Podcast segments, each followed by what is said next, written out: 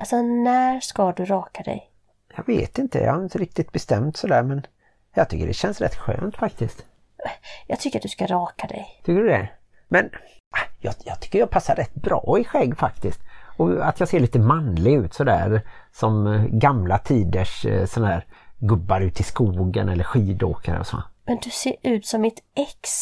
Jaha, du, jag tror jag ska gå och raka mig nu faktiskt. Don't tell me that your life is dull and. My only answer is hey, hey, hey, hey. Let's go crazy in the wild, and if by chance we make a child, that just means that we're alive and healthy. Hej och välkomna till avsnitt 186 av Bonuspappan och Plus Mamman, en podd om livet i en bonusfamilj med tyngdpunkt på föräldraskap och relationer. vi sänder i samarbete med Hallands Nyheter, dagstidningen i Varberg och Falkenberg med omnejd. Ett härligt samarbete eftersom Hallands Nyheter liksom är kärnan i hela Varbergs nyhetskommunikation. Ja, det kan man nog säga. Och ni som vill läsa lite kan ju börja med att gå in på webben www.hn.se Och sen kan ni gå runt i allas brevlådor och kolla ifall de prenumererar på Hallands Nyheter och sno en tidning där med.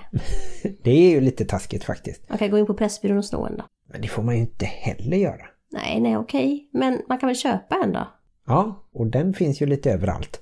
Och så finns det ju även e-tidningen som ser ut som en vanlig papperstidning men är digital. I detta avsnitt så kommer vi att prata om lite hur det känns när barnen antingen blir äldre och flyttar ut eller kanske som det är i en del familjer att de väljer att bo hos en förälder. Eller i andra fall där en förälder kanske flyttar iväg och man inte kan bo tillsammans med sitt barn längre. Men innan vi går in på den diskussionen så ska vi väl prata lite om vad som har hänt i vår vecka. Det tycker jag absolut, det gör vi alltid. Kommer du ihåg för länge sedan så slutade vi med Hänt i veckan i några avsnitt. Jaha, nej det minns jag faktiskt inte. Jo, men det var någon som skrev att de tyckte att det blev lite långt innan intervjun kom och sådär. Och så gjorde vi det, men så började folk skriva in att varför har ni inte Hämt i veckan längre? Så att då började vi med det igen och man kan väl bara konstatera att man kan inte göra alla glada. Nej, jag tycker att vi kör på. Och jag har ju till exempel idag sett en vinterbadare. Det var ganska imponerande. Det var väl ganska eh, läskigt. Ja, Nakna vita män som badar. ja, det kom faktiskt ut några från bastun precis när jag var där och skulle intervjua och fota. Får man verkligen fota inne på nakenbadet? Ja, om den man fotar är okej med det och inte syns naken då. Jag tänkte säga, får man verkligen lägga ut nakenbilder i Hallands Nyheter? Men han var kanske inte i bild med sin han nakenhet var då. i vattnet med sin nakenhet. Och det var väl fem grader bara. Jag fick så sjukt jobbiga bilder nu som jag vet vem det var du fotade. Ja, men det var snällt att han ställde upp. Och tog kaffe med dopp blev det faktiskt. Och så ska han även doppa sig på själva dopparedagen. En väldigt konstig företeelse på julafton måste jag säga. Ja, jag vet inte om det blir fler som eh, badar ute i Varberg då. Det får vi se. Varbergare är väldigt vinterbadande, det kanske inte alla vet men du vet det här eh, märket Lilla Bruket som har blivit ganska stort över hela landet och världen för den delen. Ja. De har gjort en reklamfilm om Varbergare, hur vi liksom vallfärdar ner till havet varje dag i veckan i våra morgonrockar för att ta morgonbadet. Året om och sen så simmar vi till varandra. Vi kör inte bilen utan vi simmar. Den har jag nog inte sett faktiskt. Nej men om du hade varit en japan Mhm. så hade du sett den för de har visat den överallt i hela världen så att de har en väldigt konstig uppfattning om oss svenskar och Varbergare framförallt. Ja, kallbadhuset är ju lite berömt. Det är ju i lite rysk stil tror jag med såna här eh, Turkisk. lökkupoler. Är det turkiskt Jag tror kanske? det är turkiskt. Mm. Jag associerar lite till Ryssland och så. Men väldigt eh, fint. Eh, och där har jag varit några enstaka gånger. Var du naken då? När jag badade, ja. Ja, men det måste man. Men jag ogillar att vara naken bland andra människor. Jag förstår inte varför alla gillar det. Och det är ju tur att det är helt frivilligt att vara en så kallad textilare. Med att man har textilier på sig. Mm, de kallar det det. Nakenbadarna säger att de är textilare, de som har badbyxor eller så. Mm. Jag tänker så här i bonusfamiljsammanhang så kan det vara lite känsligt ifall man kommer in i en familj och den ene kanske gillar att vara naken och de andra tycker att det är förfärligt. Hur man gör då? Mm. Det är det där med olika familjekultur, kanske lite hur man är uppvuxen och sådär. Men då får kanske nakenmänniskan skyla sig lite. Ja, men det tycker jag. Och överhuvudtaget tror jag att när man kommer in i en familj, kanske särskilt som då bonusförälder, att man får avvakta och se lite. Och i alla fall inte själv kanske gå omkring i bara kalsongerna och så. Jag tänker säga, hur är det med dig nu fem år senare? Känner du dig bekväm att släntra ner till köket iklädd endast kallingar? det gör jag ju i princip aldrig. Det har varit någon gång möjligtvis mitt i natten jag har gjort det. Men annars försöker jag i alla fall ta på någon morgonrock eller sådär. Så att eh, nej, jag tycker att med tanke på att vi har tre tonåringar så de behöver inte se mig så avklädd. Det, helst, det blev mycket tal om avkläddhet här. Jag tycker vi går vidare. Vad har hänt mer i veckan? Ja, jag har slagit in väldigt många julklappar och jag är inte jättebra på det. Men jag har gjort mitt bästa och försökt eh, ha lite snören och etiketter och sådär. Vad var din tanke? För det brukar ju alltid vara jag som slår in alla julklappar. Kände du så här, i år ska min sann Maria slippa detta? Nej, nej, du tvingade mig. Va? Ja. När då? Igår. Nej men du sa så här, nu slår jag in julklappar och jag hindrade inte dig. Var det så? Jag minns det som att du tyckte att jag skulle slå in julklappar och sen bara fortsatte jag ända till klockan var halv två på natten tror jag. Jaha, så upplever inte jag det. Det är konstigt hur man kan uppleva saker och ting väldigt olika. Mm. Någonting som kan upplevas, eh, inte olika tycker jag, men som kan upplevas ganska läskigt i den här tv-serien vi har tittat på.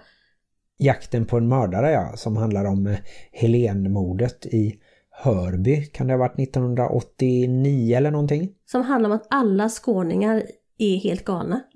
ja, det var en speciell scen där när de hade kartlagt vad som hände i stort sett då när Helen försvann. Och då var det tydligen väldigt många dömda pedofiler precis i närheten på olika café och inne i den här lilla affären och sådär.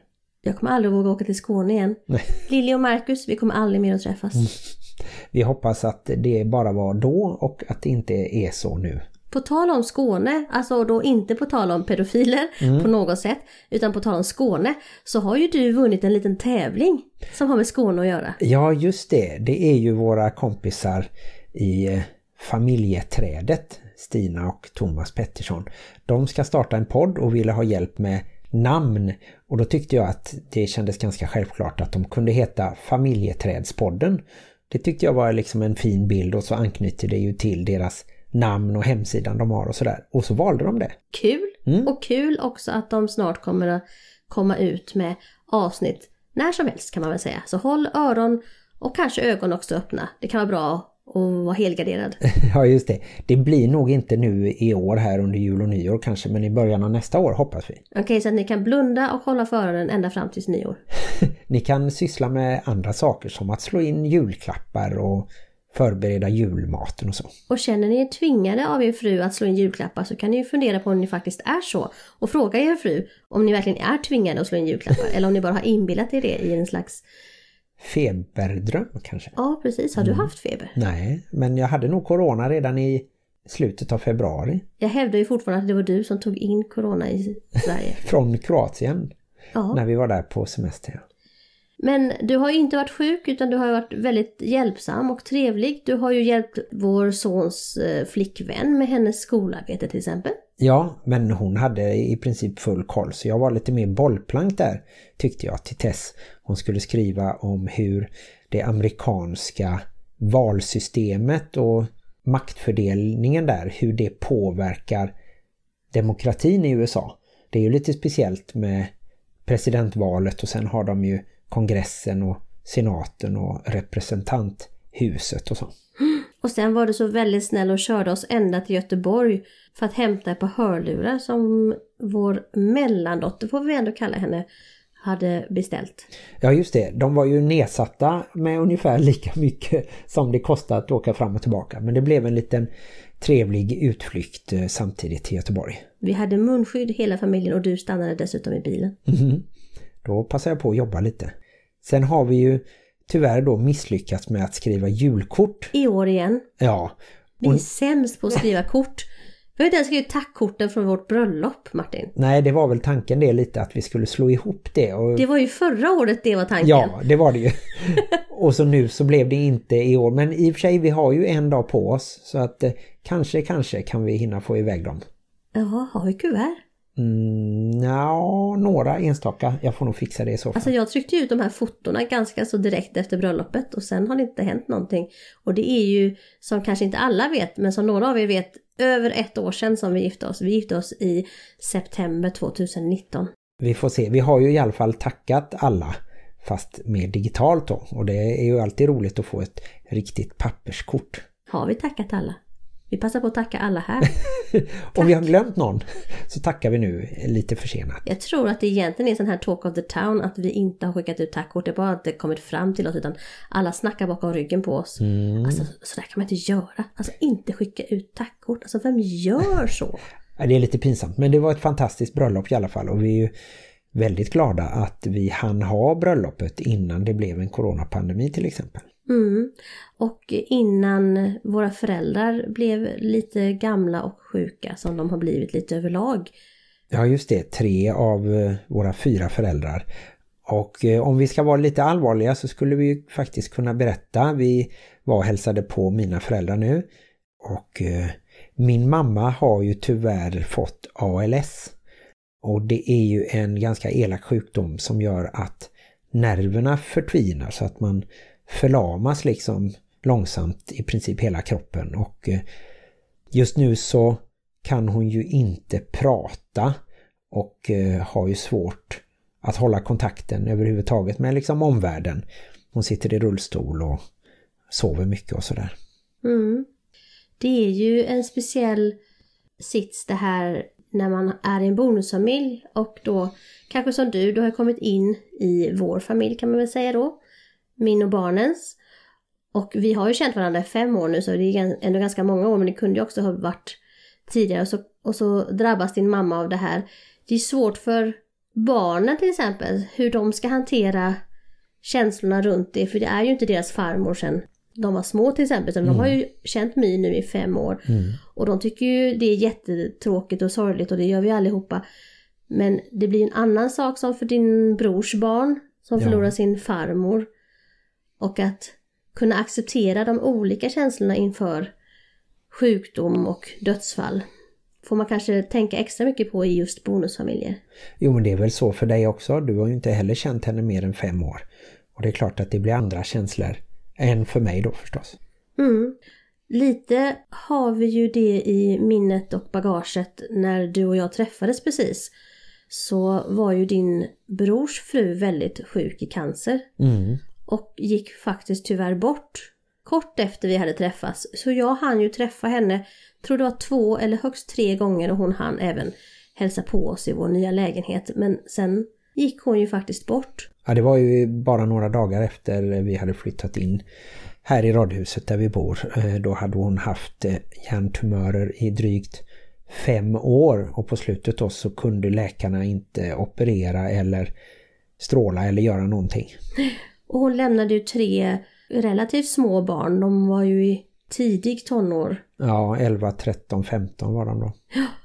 Och de och din bror har ju varit en stor del av vår familj och vårt liv. Och det har varit svårt i omgångar för mig att liksom sätta mig in i deras situation. De har förlorat sin mamma och det var en mamma som jag då aldrig kände. Och jag tänker att det är också en sån här sak som blir speciell och annorlunda i en bonusfamilj. Ja, och det vet jag inte egentligen hur man ska göra med det. Alltså det är ju som att någon som man inte känner så bra dör då. Och samtidigt så är ju de andra personerna så nära då. Mm, liksom precis. släktingar. För jag har ju kommit liksom nära, väldigt nära din bror och hans barn känns liksom som väldigt betydelsefulla för mig. Och jag månar om dem, om dem väldigt mycket. Men sen eh, deras mamma hann jag ju aldrig lära känna. Så att hon blir ju som en hon blir ju som en bild, alltså en, ett Ja. foto på något sätt för mig. Och dessutom så för barnen då som var för fem år sedan så var de ju bra mycket yngre, alltså mina barn. De har ju också svårt kanske att liksom ställa sig in i hur det är för deras låtsaskusiner då att inte ha någon mamma. För de kände ju inte heller henne. Och jag undrar egentligen vad som är bäst, alltså om man inte har träffat någon. I alla fall om man inte har träffat den personen när den är sjuk. då minns man ju personen som den vanliga, liksom friska jaget då. Medan nu med min mamma, när ALS fortskrider så blir hon sämre och sämre och då blir det ju den personen på något sätt som man minns eller jämför med. Och när ni först träffade henne, då visste vi ju inte om att hon kanske redan då hade börjat få lite ALS eller i alla fall börjat få begynnande Alzheimers som också egentligen konstaterades då innan diagnosen ALS kom nu i somras eller våras. Ja, jag tänkte just runt det här och bonusfamilj att man får ha acceptans över att man har känt samma människor på olika sätt och så kanske det absolut är i en kärnfamilj också. Men kanske väldigt mycket i en bonusfamilj eftersom man har känt varandra olika tider på dens liv. Som jag har ju känt My de sista fem åren och du har känt My alla dina år.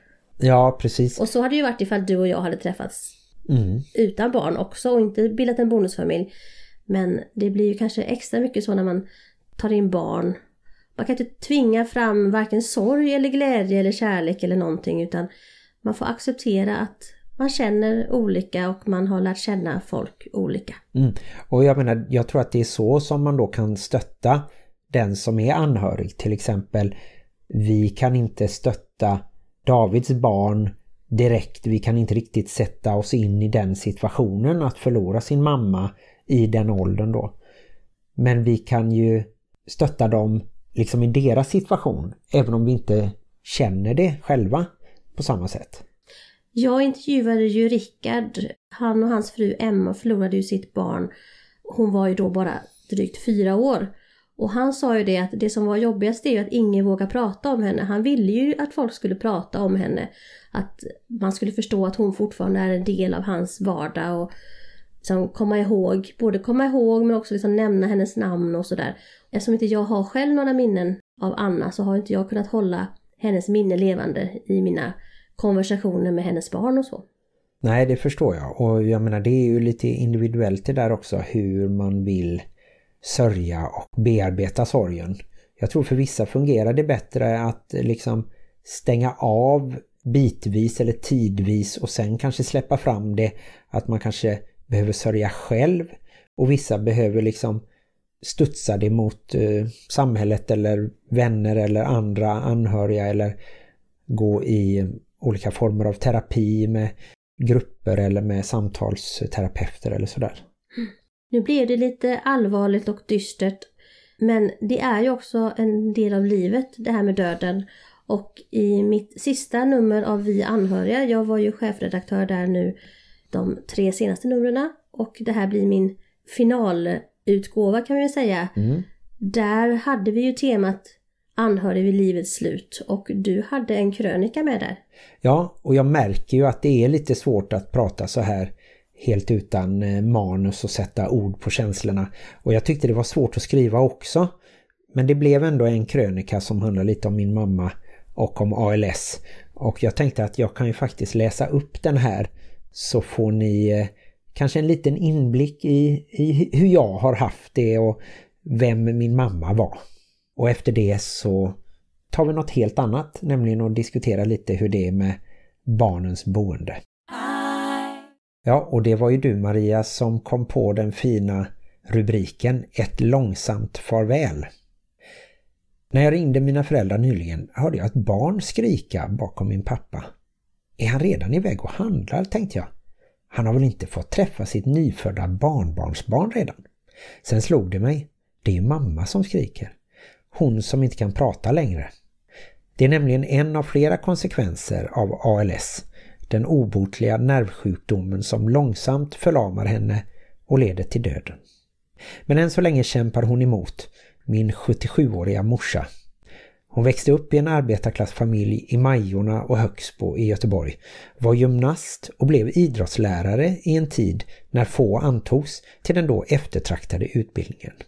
Där på högskolan i Stockholm för över 50 år sedan träffade hon en småländsk höjdhoppare och jazztrummis som blev pappa till mig och min bror David och nu är närmast anhörig även i betydelsen att han vårdar henne i princip dygnet runt.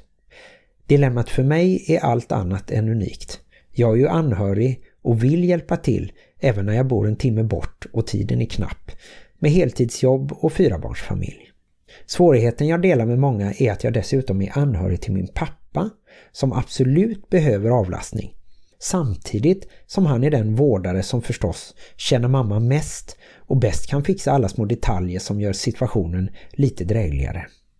När hon skriker som ett barn när hemtjänstpersonalen flyttar henne i liften från sängen till rullstolen gör det ont i oss, men vi måste försöka hålla oss därifrån. Jag tänker ibland på att jag är anhörig till en närstående i slutet av livet. Det känns väldigt konstigt. Inte minst eftersom min pratglada mamma var aktiv in i det sista. Allt började med en skidolycka i Hemsedal när ett knä trasades sönder. Knäleden ersattes men styrkan och rörligheten återkom inte. Det dröjde ett helt år innan en diagnos kunde fastställas. ALS. Nu kan vi inget göra, bara vänta och se varje besök som ett litet avsked i väntan på det stora. Vi kan hoppas på effektiv smärtlindring, hoppas på möjligheten att kommunicera även när det inte går att skriva för hand. Vem har det egentligen värst i en familj med ALS eller en annan dödlig, obotlig sjukdom? För mig är det faktiskt ointressant. Alla har det jobbigt på olika sätt. Det är till och med svårt att må bra. När livet visar sig från sin ljusa sida kan jag känna ett styng av dåligt samvete och uppleva att jag är känslokall som kan skratta i Varberg samtidigt som min mamma, utan att jag vet det, håller på att kvävas av sin egen saliv sex mil norrut. Det känns lite kallt att formulera en krönika också. Orden kan aldrig visa ens en bråkdel av kärleken jag känner till mina föräldrar och sorgen över att de inte får fortsätta ha roligt ihop i många år. Att mamma redan är tydlig med att det är viktigt att pappa får helt lediga dagar nu och i framtiden får ett fint liv är en hjälp. Och jag kan bidra med att lova henne. Ingen kan sudda bort dina stora spår. Precis som hon själv skrev i morfars dödsruna när han somnade in bara ett halvår efter sitt cancerbesked 1991. Jag kan också lova att jag kommer att minnas min mamma My Erlandsson, född Marianne Hansson, med en aldrig slocknande låga tills jag själv tar mitt sista andetag. Mm, det var fint skrivet Martin. Tack. Jag själv känner ju att det finns inte mycket mer att säga efter det. Det blir ju lite sorgligt här. Men jag hoppas att vi ska kunna gå igenom det här tillsammans. Det tror jag också. Och vi får ta farväl lite för varje gång vi träffas på något sätt. Och ni som vill veta mer om ALS och om hur det är att ha ALS så rekommenderar vi Björn Natthiko Lindeblads sommarprat och även några intervjuer. Ja, jag har hört honom både i podden Värvet och i söndagsintervjun i P1. Och det finns ju att hitta överallt där poddar finns. Och han är ju väldigt öppen med vad som händer med honom och vad han tänker om framtiden. Han lever ju lite efter mottot This too shall pass. För han är egentligen Gandalf. Ja, det kan man nästan tänka sig. Han var ju en ekonom på väg uppåt i karriären och så hoppade han helt av och blev buddhistmunk och levde utan tillhörigheter i princip i 17 år tror jag och var bland annat ute i skogen i Thailand då som skogsmunk. Han blev dessutom bonuspappa. Ja just det och eh, han bor ju inte så långt härifrån. Bor i princip mellan oss och mina föräldrar i Åsa i Halland. Med sin fru Elisabeth. Mm. Och vi tänker ju mycket på dem också och eh, det han har sagt har ju styrkt mig och jag kan verkligen rekommendera de eh, programmen att ni lyssnar på det.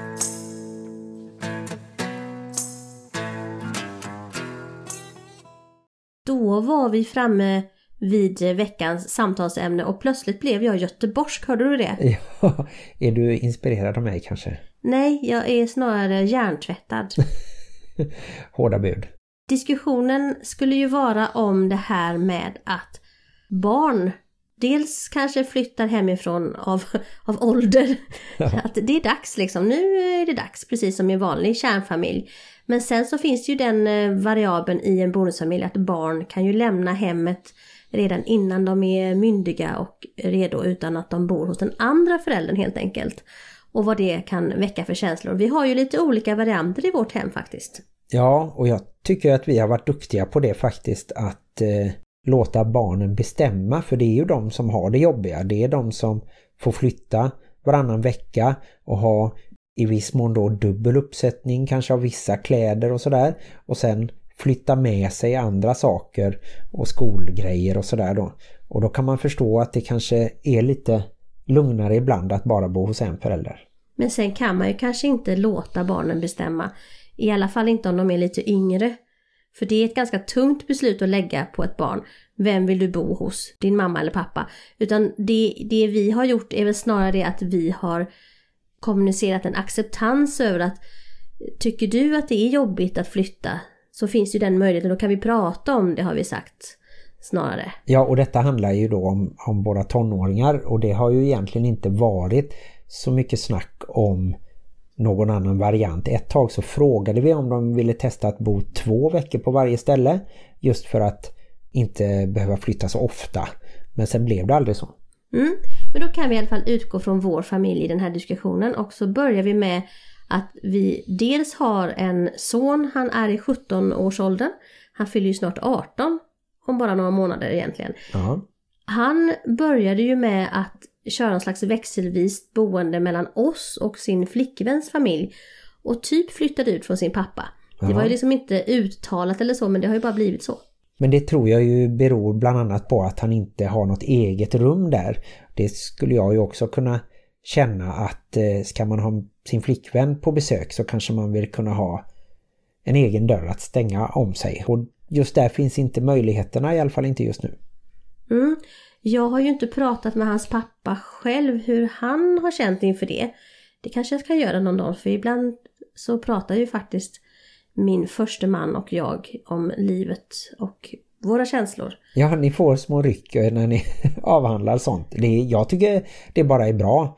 Men sen så är det väl ingen av er som har jättestort behov av det kanske att älta eller liksom höras varje vecka. Nej, han har behov av att prata om kaffe ibland. Jag vet inte riktigt. Så så var det ju där och då var ju inte det känslomässigt jobbigt för mig. Att min son valde att bo hos mig. För för mig var det ingen större skillnad att han halva tiden var hos sin flickvän och halva tiden var hos oss. Och kanske lite mer än halva tiden är hos oss.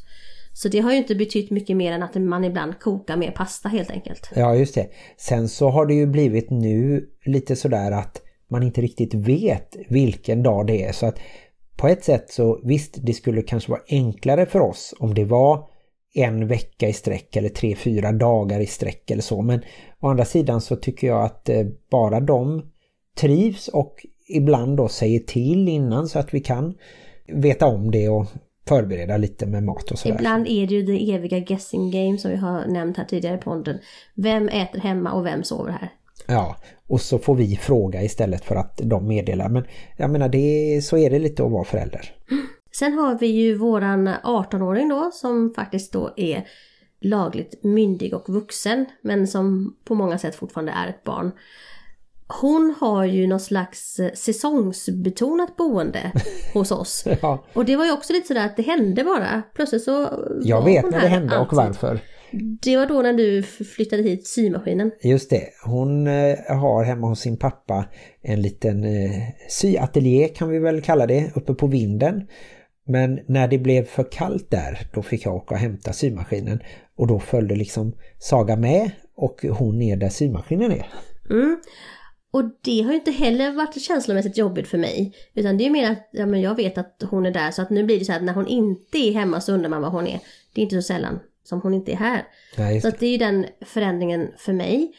Och sen så var det så att min yngsta dotters pappa, han flyttade ju ganska så långt bort. Från eh, Varberg till Norrtälje. Vi tror att det är ungefär 60 mil va? Ja, i alla fall över 50. Mm.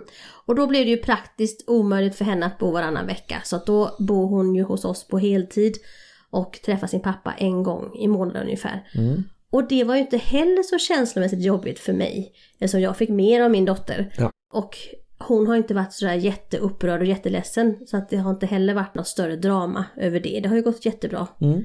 Men! man är alltid sig själv närmast så visade det sig att min mellandotter då, som då är 16 år, lite gradvis men plötsligt ganska så tydligt flyttade hem till sin pappa. Och då var det inte riktigt lika Ja, det är väl bara härligt och trevligt att barnen väljer en förälder. Så då var det ju jag som blev på sätt och vis bortvald. Mm.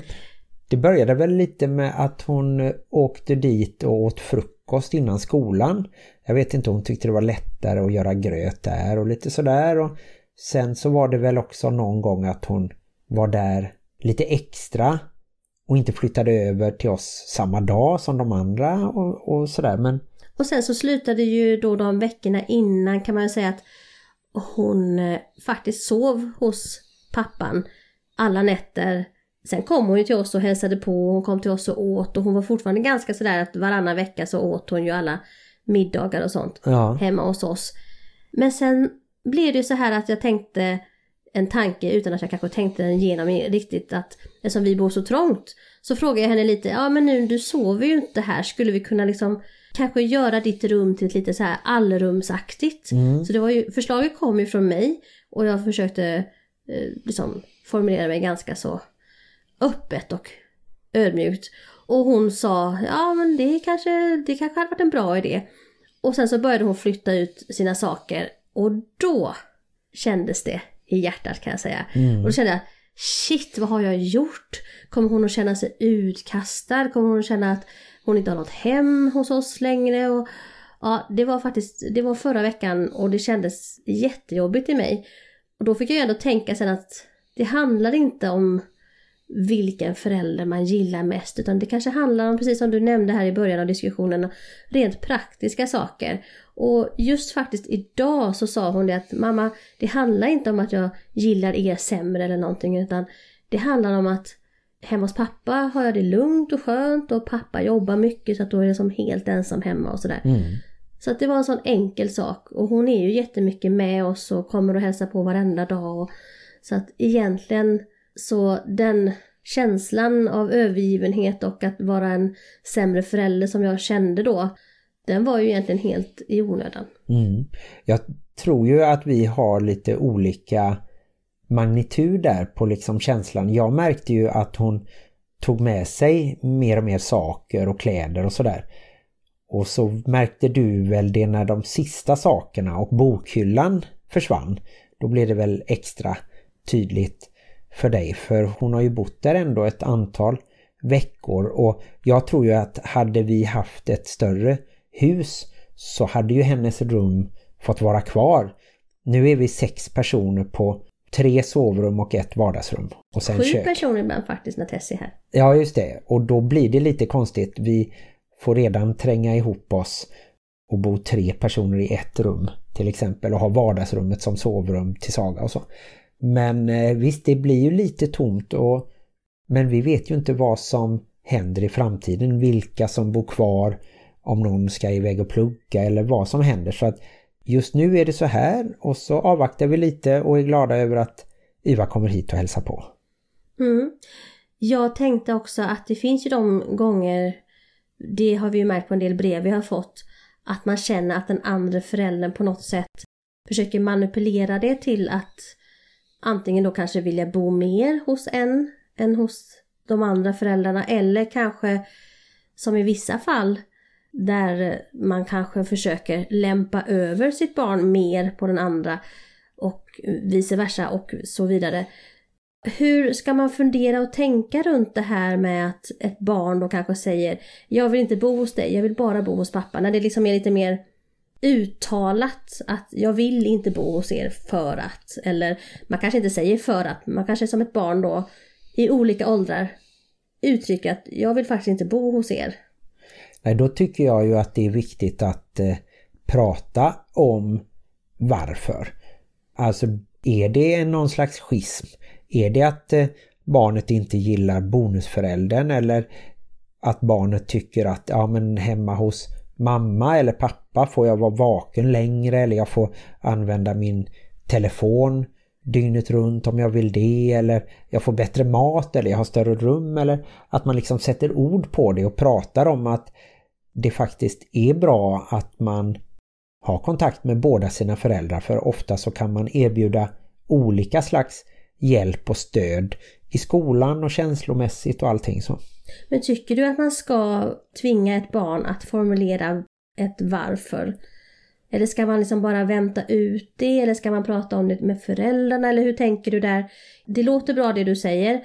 Men ibland som ifall det kanske är en sjuåring som väljer att bo bara hos sin mamma till exempel. Ska man verkligen tvinga det barnet då att prata om varför? Eller hur? Nej men jag tror inte att jag hade oavsett egentligen om jag var biologisk förälder som jag ju inte är eller bonusförälder som jag är nu så skulle jag inte tänkt så här att jaha våran sjuåring vill bo bara hos den andra familjen. Ja, då går vi med på det.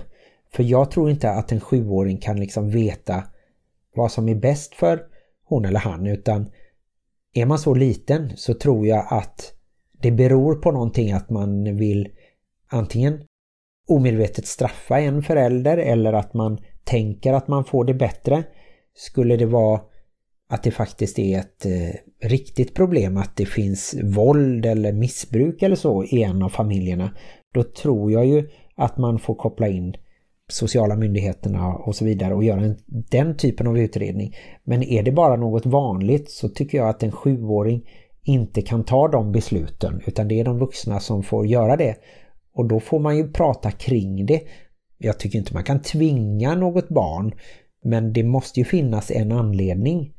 Märker man att det kan vara väldigt känsligt då ska man absolut inte liksom sätta press på barnet utan då tror jag att det kommer fram men, men man kan ju ändå säga så här att vi vill gärna träffa dig och vi tillsammans med din pappa eller mamma eller vad det är då har bestämt att det är lagom att bo varannan vecka. Vi kan testa att bo, om du tycker det är jobbigt att vara ifrån en förälder så länge, då kan vi testa att bo tre, fyra dagar i sträck. Tycker du att det är jobbigt att flytta så ofta så kan vi testa att bo två veckor i sträck. Tycker du att din man pratar väldigt länge så kan du himla med ögonen. Okej, okay, Då dyker det upp två frågor i mitt huvud. Och den första frågan är vilken ålder tänker du är lämpligt att ett barn då, för att du sa här i början att vi har varit duktiga som har låtit barnen få liksom bestämma lite hur de ska bo. Och nu säger du lite så här att man kan inte låta en sjuåring eller tioåring bestämma. Vilken ålder ungefär tänker du att de ska ha lite mer inflytande på var de ska bo? Det är den ena frågan. Och den andra frågan som kanske då kommer efter, det är hur gör man om den andra föräldern då inte är med på att vara så här klok som du säger att man ska vara? Att liksom förklara för barnen att det är bra att träffa båda föräldrarna. Ifall den andra föräldern då bara känner Yes! Hen vill bara bo hos mig. Och så bara liksom tycker man att det är lite härligt och gottar sig i det. Och inte alls vill vara med på det här tåget att försöka att det ska vara lika. Mm. På A svarar vi Rädda havet, på B kan vi inte. Det är väldigt många som inte är gamla nog för att komma ihåg vi i femman Martin, så nu får du svara ordentligt. Ja, då svarar jag så här att jag tror att man får anpassa det lite efter barnets mognad. Så att du kommer fortfarande inte att få bestämma var du ska bo. Nej, just det. Jag tror till exempel att 18 år när man är myndig, det är för sent. Och jag tror kanske att 10 år till exempel är för litet. Men spontant skulle jag säga att någonstans där man anser att man kan klara sig i trafiken som är 12 år och där man faktiskt kan av egen vilja acceptera att bli adopterad om jag minns rätt så är det också 12 år. Så där tänker jag att någonstans i 12-årsåldern då brukar man vara så mogen att man kan liksom känna att detta är bäst för mig och man kanske även kan uttrycka det på något sätt varför.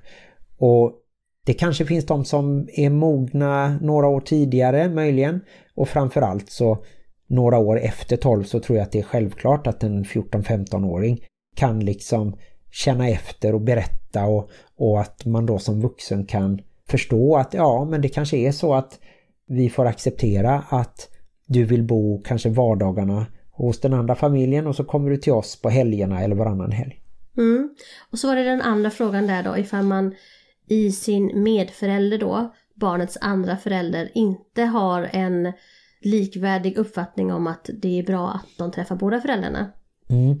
Det är ju jättesvårt förstås och eh, alla sådana frågor där man är väldigt oense då eller där man kan känna att den andra faktiskt gör fel eller utnyttjar situationen eller på något sätt triggar igång barnen eller ja, vad det nu kan vara så tror jag kanske att man till slut behöver ta in en utomstående och då brukar det ju finnas eh, kostnadsfri hjälp att få via kommunen så att man kan sätta sig ner och ha ett så kallat samarbetssamtal.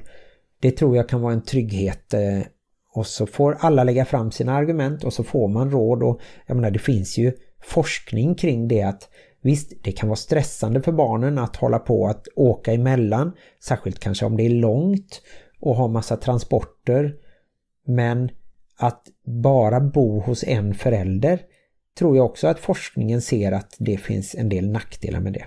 Mm. Och eftersom jag i det här avsnittet har en eh, metod av två frågor åt gången så kommer även här nu två frågor. Och det ena är frågan hur man ska kunna hantera sina känslor och hur man ska tänka när man liksom känner sig sårad för att ens barn väljer att bo hos den andra föräldern. Ifall du har några bra tips där.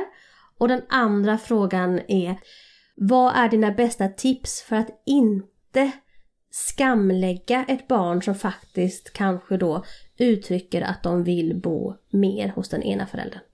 Ja, jag kan ju först börja med att säga att det här med att ställa två frågor i rad, det är ju sånt som man lär sig kanske första veckan på journalisthögskolan att det inte är bra. Särskilt inte om du ska intervjua en makthavare för då väljer ju den personen att bara svara på den ena frågan.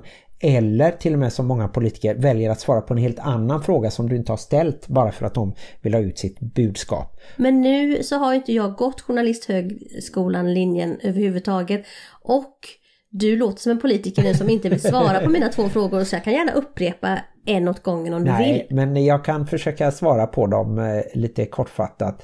Jag har egentligen inget jättebra tips till det här med att man känner sig sårad men man får ju faktiskt se det så att barnen deras liksom uppgift är ju att bli vuxna och bryta sig loss och skaffa ett självständigt liv och det enda man kan göra är att man fortsätter ha kontakt med dem. Och jag menar det kan vi ju nu tack vare all ny teknik fortsätta att ha. Så saknar du ditt barn då ska du inte sitta och vara ledsen för det. Det är bara att ta kontakt med barnet och, och, faktiskt hitta på roliga saker. Inte liksom så att det blir någon dragkamp eller sådär utan även om boendet är hos en förälder så kan man ju göra mycket roliga saker och man kan höras av mycket. Och beroende på vad det beror på till exempel då att det i en familj är väldigt många personer. Det kanske är yngre syskon som tar plats och behöver hjälp och det kan ju vara diagnoser på olika sätt också. Och sådär det kan man tycker att det är äckligt att se sin mamma pussa sin bonuspappa. Ja, och då, då, kan man säkert hitta en lösning kring det också. Om, Sluta pussas. Om just det är ett problem eller så. Men eh, nej, jag tycker nog att man får se det så att vi har barnen till låns och sen så tänker vi att är vi bara schyssta och liksom bra föräldrar då kommer ju barnen att vilja ha kontakt med oss i resten av sina liv. Mm, det var klokt och fint. Och den andra frågan tänker jag att eh, det är ju jätteviktigt att barnen liksom inte får någon stämpel att ja, du är en förrädare som, som flyttar härifrån. eller du är, hårt du tog du, i nu. ja, men alltså att man på olika sätt sådär att nej, du gillar inte mig lika mycket eller ja, du har ju flyttat eller du och ungefär att man, ja, hur skulle man kunna då hämnas genom att ja, du bor inte här ändå så du får inte lika fina julklappar som dina syskon eller alltså sådana idiotiska grejer. Det blir ju bara värre. Man får ju faktiskt se ett barn som något annat än en vuxen, rationell, tänkande varelse. Och eh, barnet kanske har gått på en slags magkänsla som gällde just då. Och så kanske det ändrar sig. Och håller man då liksom alla vägar öppna så kan det ju hända att barnet flyttar tillbaka.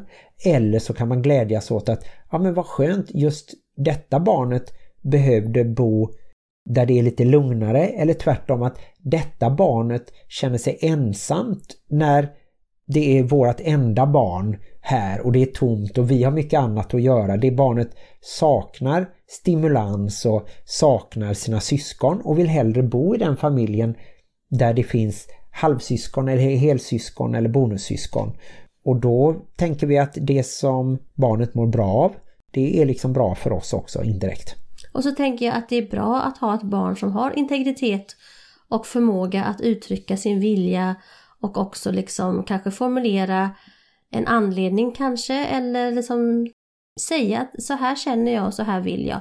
Och att man på något sätt ska fortsätta sin villkorslösa kärlek och inte skamma barnet för att den väljer att bo hos en annan förälder. Sen dilemmat då med ifall man har en medförälder som vi sa här innan utnyttjar situationen eller liksom försöker påverka barnet i någon riktning. Då har man ju ett annat problem men då är det ju mellan de vuxna faktiskt. Mm. Och jag tycker nog också att man ska våga fråga men man ska liksom inte förvänta sig ett svar eller tvinga fram ett svar men ställa frågan i alla fall. Bara att ja, vi är nyfikna på lite varför vill du bo mest hos den andra föräldern, vi kommer sakna dig och vill du berätta lite, är det något vi kan ändra på? Eller beror det på saker som vi inte kan ändra och sådär? Men samtidigt så tycker jag att man inte ska korsförhöra barnen oavsett om man är journalist eller politiker. ja, just det. Avslutningsvis så skulle jag vilja säga till er bonusföräldrar då, som jag i vår relation är den biologiska föräldern, att ha lite medkänsla med er partner när ett barn kanske då flyttar ut eller väljer att bo mer hos den andra föräldern eller kanske då sen i framtiden flyttar ut för att de är vuxna och flyttar ut och flyttar till en annan stad. Ja. Ja, bra. Då tänker jag att det är viktigt att bonusföräldern då som kanske faktiskt bara tycker att det är skitskönt, liksom bara yes! Nu har de flyttat, jag kan ju liksom bygga gym och jag kan liksom bre ut, jag kan gå i kalsongerna ner till köket.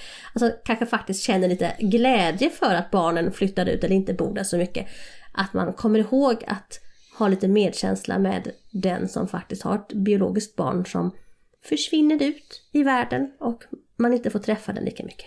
Absolut, och då kan jag också säga till er biologiska föräldrar som längtar efter att barnen ska flytta så att ni får lite eget liv så.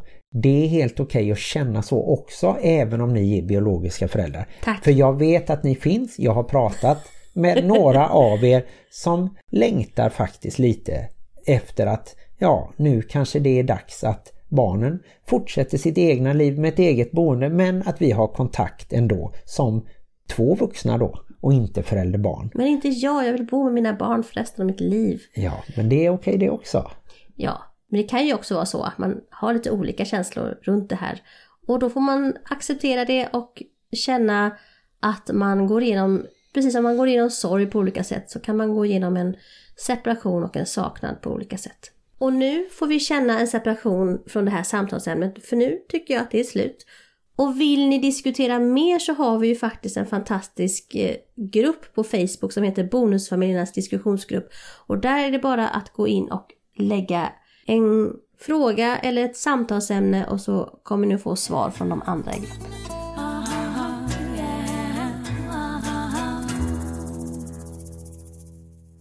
Ja, och förutom bonusfamiljernas diskussionsgrupp så kan ni ju även följa vår vanliga sida på Facebook som heter Bonuspappan och Plusmamman eller vårt Instagramkonto som heter bonuspappan.plusmamman. Mm. Och vi tar även emot mail och dyrbara presenter. Och mail tar vi emot på bonuspappan.plusmamman Och dyrbara presenter tar vi emot på vårt schweiziska konto. Nej. Ja just det, ni får gärna swisha till oss också men vi kommer inte säga våra telefonnummer för det verkar så girigt. Ja men om de skulle råka hitta vårt telefonnummer och bara swisha bara för att det hade inte varit fel. Jag hade en gammal kompis som försökte hitta mig på hitta.se och där fanns jag inte. För jag hade tydligen tagit bort mig där då i samband med det här med jag skrev om en eh, nazist och, Då du, du eh, blev ondskans apostel? Ja, de la ju ut eh, adress och det var en del hotelser på det här Nordfront då.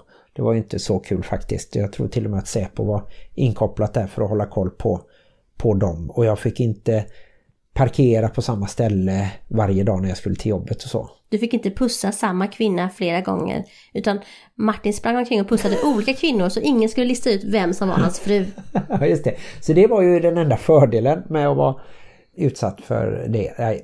Det hände ingenting som tur var men tydligen hade jag faktiskt tagit bort mig på hitta.se då. Kommer jag att tänka på när du sa det här med telefonnummer. Mm. Vi kan ju utlysa det som en tävling.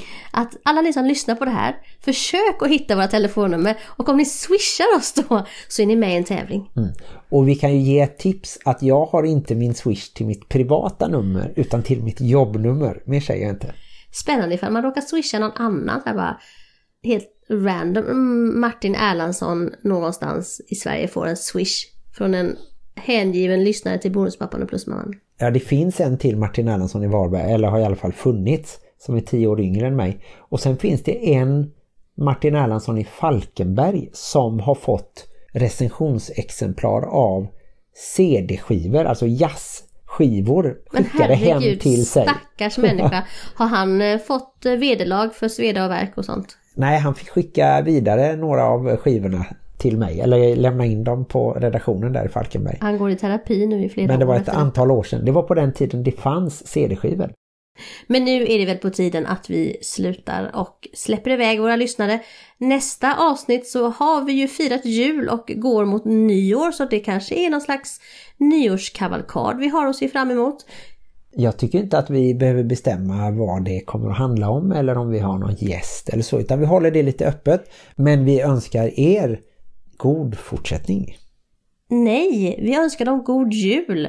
För fortsättningen har inte varit än, för julafton har inte varit än. Nej, det har du Först säger man god jul, sen säger man gott nytt år och sen är det god fortsättning. Nej, efter gott nytt år så säger man gott slut. Nej, det är innan. Ja, det är det. Vi är helt förvirrade och vi hoppas att ni har fått ut någonting av det här avsnittet. För det har i alla fall vi. Eller? Har vi? Ja, det tycker jag. Glöm inte att livet i bonusfamiljen kan vara besvärligt. Men också härligt. Hej då! Jag tyckte det var en bra idé det där med att vi skulle aktionera ut delar av ditt skägg.